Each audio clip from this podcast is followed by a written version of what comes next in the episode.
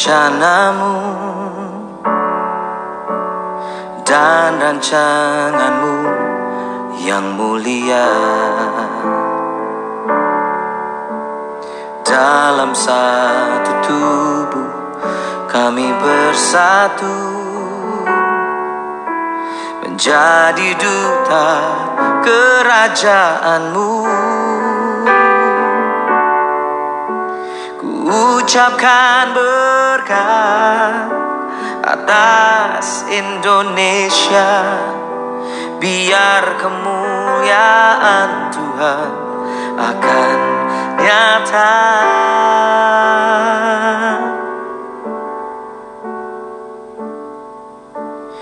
Bagi bangsa ini kami berdiri dan membawa doa kami kepadamu. Sesuatu yang besar pasti terjadi dan mengubahkan negeri kami. Hanya namamu Tuhan ditinggikan atas seluruh bumi.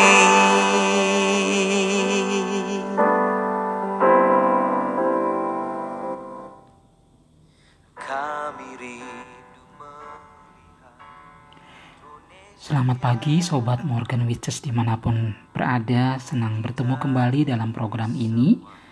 Dan berharap bahwa setiap kita selalu dalam keadaan yang sehat Dan tetap setia di dalam membaca dan merenungkan firman Tuhan di tiap-tiap hari Pagi ini saya menyapa setiap kita untuk kita kembali datang ke hadirat Tuhan Bersyukur untuk segala pertolongan kita Pertolongan Tuhan dalam hidup kita kalau kita boleh melihat saudara-saudara kita di luar sana sedang terkena atau mengalami bencana, musibah, tapi sehari ini kita boleh diberikan perlindungan, kesehatan.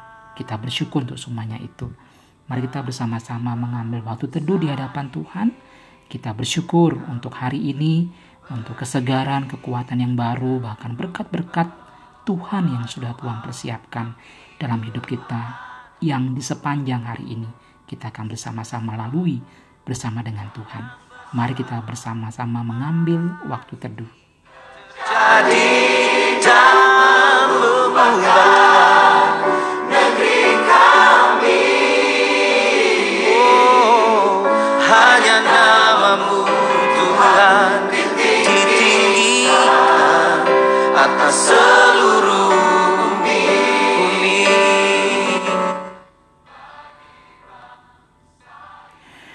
Sobat Morgan Witches, pembacaan kita di hari ini diambil dari surat Rasul Paulus kepada jemaat di Roma, yaitu Roma pasal yang kelima, ayat yang pertama sampai ayat yang kelima. Kitab Roma pasal yang kelima, ayat yang pertama sampai ayat yang kelima.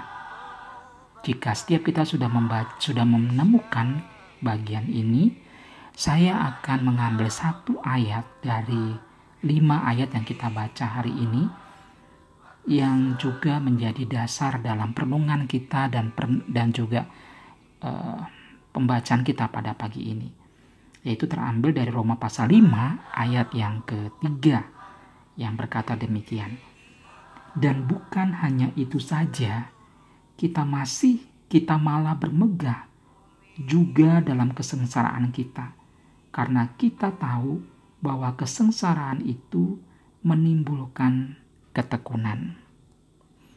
Sobatku dalam Tuhan, seorang guru membawa satu soal untuk diberikan kepada para muridnya. Guru berkata, soal ini memang sulit, tetapi jalan dan penyelesaian jawabannya ada. Silakan dikerjakan. Lalu seorang murid mengambil soal, soal itu dan benar saja, hampir satu jam mereka semua mengerjakan soal itu. Hasilnya tetap nihil. satu persatu dari murid itu mulai menyerah. Akan tetapi ada satu murid yang masih saja tetap mengerjakan soal itu dengan bersemangat. Semua kawannya heran melihat dia yang tak jauh beda dengan mereka telah berkali-kali gagal menemukan jawaban. Lalu seorang bertanya kepada satu murid ini, "Mengapa kamu masih terus saja semangat mengerjakan soal yang susah itu? Gak bakalan dapat kita menjawab soal itu." Lalu si murid ini yang tetap bersemangat itu kemudian menjawab, "Kalau kita belum menemukan jawabannya, itu bukan berarti tidak ada jawaban. Guru sudah mengatakan di awal bahwa jawabannya ada. Makanya, aku masih mencari dan terus mencari, berusaha menemukan jalan menuju jawaban dari soal yang sulit ini." Sobatku dalam Tuhan, menyerah karena sulitnya perkara yang kita hadapi dalam hidup ini adalah satu pilihan yang paling mudah kita ambil. Apalagi setelah mengetahui kita telah berjuang berkali-kali banyaknya untuk terus mencoba dan tetap mencoba, tetapi hasilnya nihil.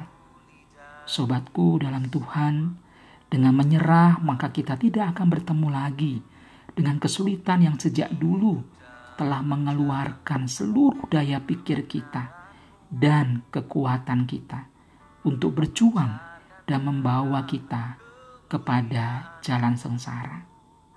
Sobatku dalam Tuhan, Rasul Paulus di dalam Roma 5 ayat 1 sampai 5 menggunakan kata Yunani dalam ayat yang ketiga dengan kata dilipsesin, dilipsesin untuk menyebutkan kata kesengsaraan itu yang secara harafiah adalah tekanan, bahkan bisa dikatakan persekusi. Dari dulu hingga sekarang, rupa-rupanya tekanan atau kesengsaraan memang dekat dengan orang percaya dalam memperjuangkan iman mereka. Kini di Indonesia kita pun juga sering kali mengalami tekanan hingga sengsara yang amat sangat untuk dapat menyatakan diri kita sebagai pengikut Kristus. Sobatku dalam Tuhan, dahulu orang percaya di Roma kurang lebih mengalami hal yang sama dengan kita saat ini. Tekanan dari orang-orang di Roma, terlebih kekaisaran Romawi, yang dahulu menganiaya orang percaya karena iman yang berbeda itu. Lalu pertanyaan buat saudara dan saya hari ini adalah, apa kunci ketika kita mengalami kesengsaraan? Apa kunci ketika kita mengalami penderitaan karena iman kita kepada Kristus? Sobatku dalam Tuhan, dalam pembacaan kita di ayat yang ketiga, sungguh aneh ketika Rasul Paulus menyatakan dalam ayat yang ketiga yang kita tadi baca di awal, dikatakan bahwa dalam di tengah-tengah situasi sesulit itu pun, kita sebagai orang percaya harus tetap bermegah, bersuka cita, sama seperti seorang murid dalam cerita di awal tadi. Yang tetap bersemangat menjalani tugasnya, mencari jawaban, karena sang guru sudah menyatakan bahwa jawabannya ada. Jawaban yang disediakan oleh Tuhan melalui Rasul Paulus kepada kita hari ini dalam menghadapi kesengsaraan, segala bentuk kesukaran, kesulitan, terdapat pada satu alur yang sangat menarik untuk kita melihat bersama yaitu dalam ayat yang ketiga sampai ayat yang kelima. Sobatku dalam Tuhan, di dalam bagian itu dikatakan ayat yang ketiga, dan bukan hanya itu saja, kita malah bermegah juga dalam kesengsaraan kita, karena kita tahu bahwa kesengsaraan itu menimbulkan ketekunan, dan ketekunan menimbulkan tahan uji, dan tahan uji menimbulkan pengharapan. Dan pengharapan tidak mengecewakan, karena kasih Allah telah dicurahkan di dalam hati kita oleh Roh Kudus yang telah dikaruniakan kepada kita. Menurut sobatku dalam Tuhan, dari kesengsaraan, ketekunan, tahan uji, pengharapan, tidak ada kekecewaan. Manakah yang paling penting untuk kita lakukan hari ini? Tentu jawaban Bapak Ibu, sobatku dalam Tuhan dan saya bisa berbeda-beda. Tetapi dalam bagian ini ada satu kata yang menarik yang perlu kita juga sama-sama renungkan hari ini, yaitu ketekunan. Rasul Paulus kembali menggunakan kata yang baik sekali untuk menggambarkan hal ini. Dalam bahasa Yunani, ketekunan di, di dalam bahasa Yunani dikatakan hupomoni yang secara harafiah lebih dari sekedar bersabar. Artinya bahwa hupomoni tetap berarti memiliki semangat untuk melakukan sesuatu yang bisa kita perbuat untuk mengalahkan kesengsaraan dalam hidup kita. Ketika kita menghadapi satu kesengsaraan, maka tetap memiliki hupomoni, ketekunan, yang adalah pilihan yang realistis sekaligus imani, bahwa di depan sana kita tidak akan kecewa. Sobatku dalam Tuhan ada satu ilustrasi seekor keledai yang terperosok ke dalam lubang dan tidak bisa keluar dari sana. Lalu ada orang yang mulai menyekop dan memasukkan tanah ke dalam lubang. Kira-kira kalau si keledai ini berpikir, ini orang mau membunuhku lebih cepat. Atau si keledai bisa menggerakkan seluruh kakinya untuk menimbun tanah yang masuk ke dalam lubang itu sehingga pada akhirnya dia bisa naik dan keluar dari lubang itu karena tanah yang dibuang oleh orang tadi ke dalam lubang. Sobatku dalam Tuhan itulah hupomoni. Itulah jawaban bahwa ketika kita menghadapi berbagai tekanan, penderitaan, kesengsaraan, kita membutuhkan ketekunan. Artinya tidak pernah berhenti untuk terus dan terus melakukan sesuatu untuk mendapatkan jawaban sebenarnya dari rahasia kehidupan yang Tuhan izinkan terjadi dalam hidup kita. Di bagian akhir dalam perenungan hari ini, saya membacakan sebuah kalimat yang ditulis oleh Thomas Alva Edison yang berkata demikian. Bila seseorang mengambil keputusan untuk menjawab suatu persoalan, maka pada langkah awal mungkin ia akan menemukan banyak tantangan. Tetapi bila ia tetap tekun dan meneruskan pencariannya, ia menjadi yakin akan menemukan suatu pemecahannya. Persoalannya bagi banyak orang adalah bahwa mereka berhenti sebelum memulai. Sobatku dalam Tuhan, pembelajaran kita hari ini kembali menegur dan sekaligus membukakan hati nurani kita.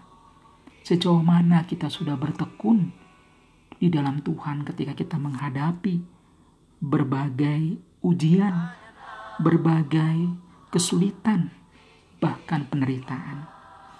Apakah kita dengan secepat mungkin datang kepada Allah. Berusaha bergumul dengan Tuhan untuk mencari apa yang Tuhan mau dan Tuhan kehendaki ketika kita menghadapi berbagai kesulitan, berbagai pencobaan, berbagai penderitaan. Sobatku dalam bagian ini kita belajar untuk senantiasa bertekun, untuk terus mencari dan terus menemukan jawaban dari Sang Halik yang mengizinkan kita harus bertemu dengan berbagai-bagai pencobaan. Dalam kitab Ibrani, pasal yang pertama pun juga dituliskan bahwa berbahagialah engkau jika engkau menghadapi berbagai-bagai pencobaan. Karena itu akan mendatangkan ketekunan bagi setiap orang yang mengalaminya. Biarlah firman Tuhan hari ini menolong setiap kita, saudara dan saya yang telah mendengar perenungan hari ini, untuk tidak menyerah, tidak mudah untuk menyerah ketika menghadapi berbagai persoalan hidup kita. Tetapi marilah kita terus tekun, berjuang untuk mencari apa jawaban di balik peristiwa, di balik rahasia kehidupan dari Sang Halik yang diizinkan kita mengalaminya. Bila firman Tuhan menolong setiap kita untuk tekun dan tahan uji serta terus berpengharapan di dalam Kristus. Pasca menolong setiap kita, mendorong setiap kita untuk terus bertahan, bertekun, dan berharap kepada Kristus. Terpujilah Kristus. Amin. Mari kita berdoa. Tuhan di sorga, kami bersyukur untuk hari ini.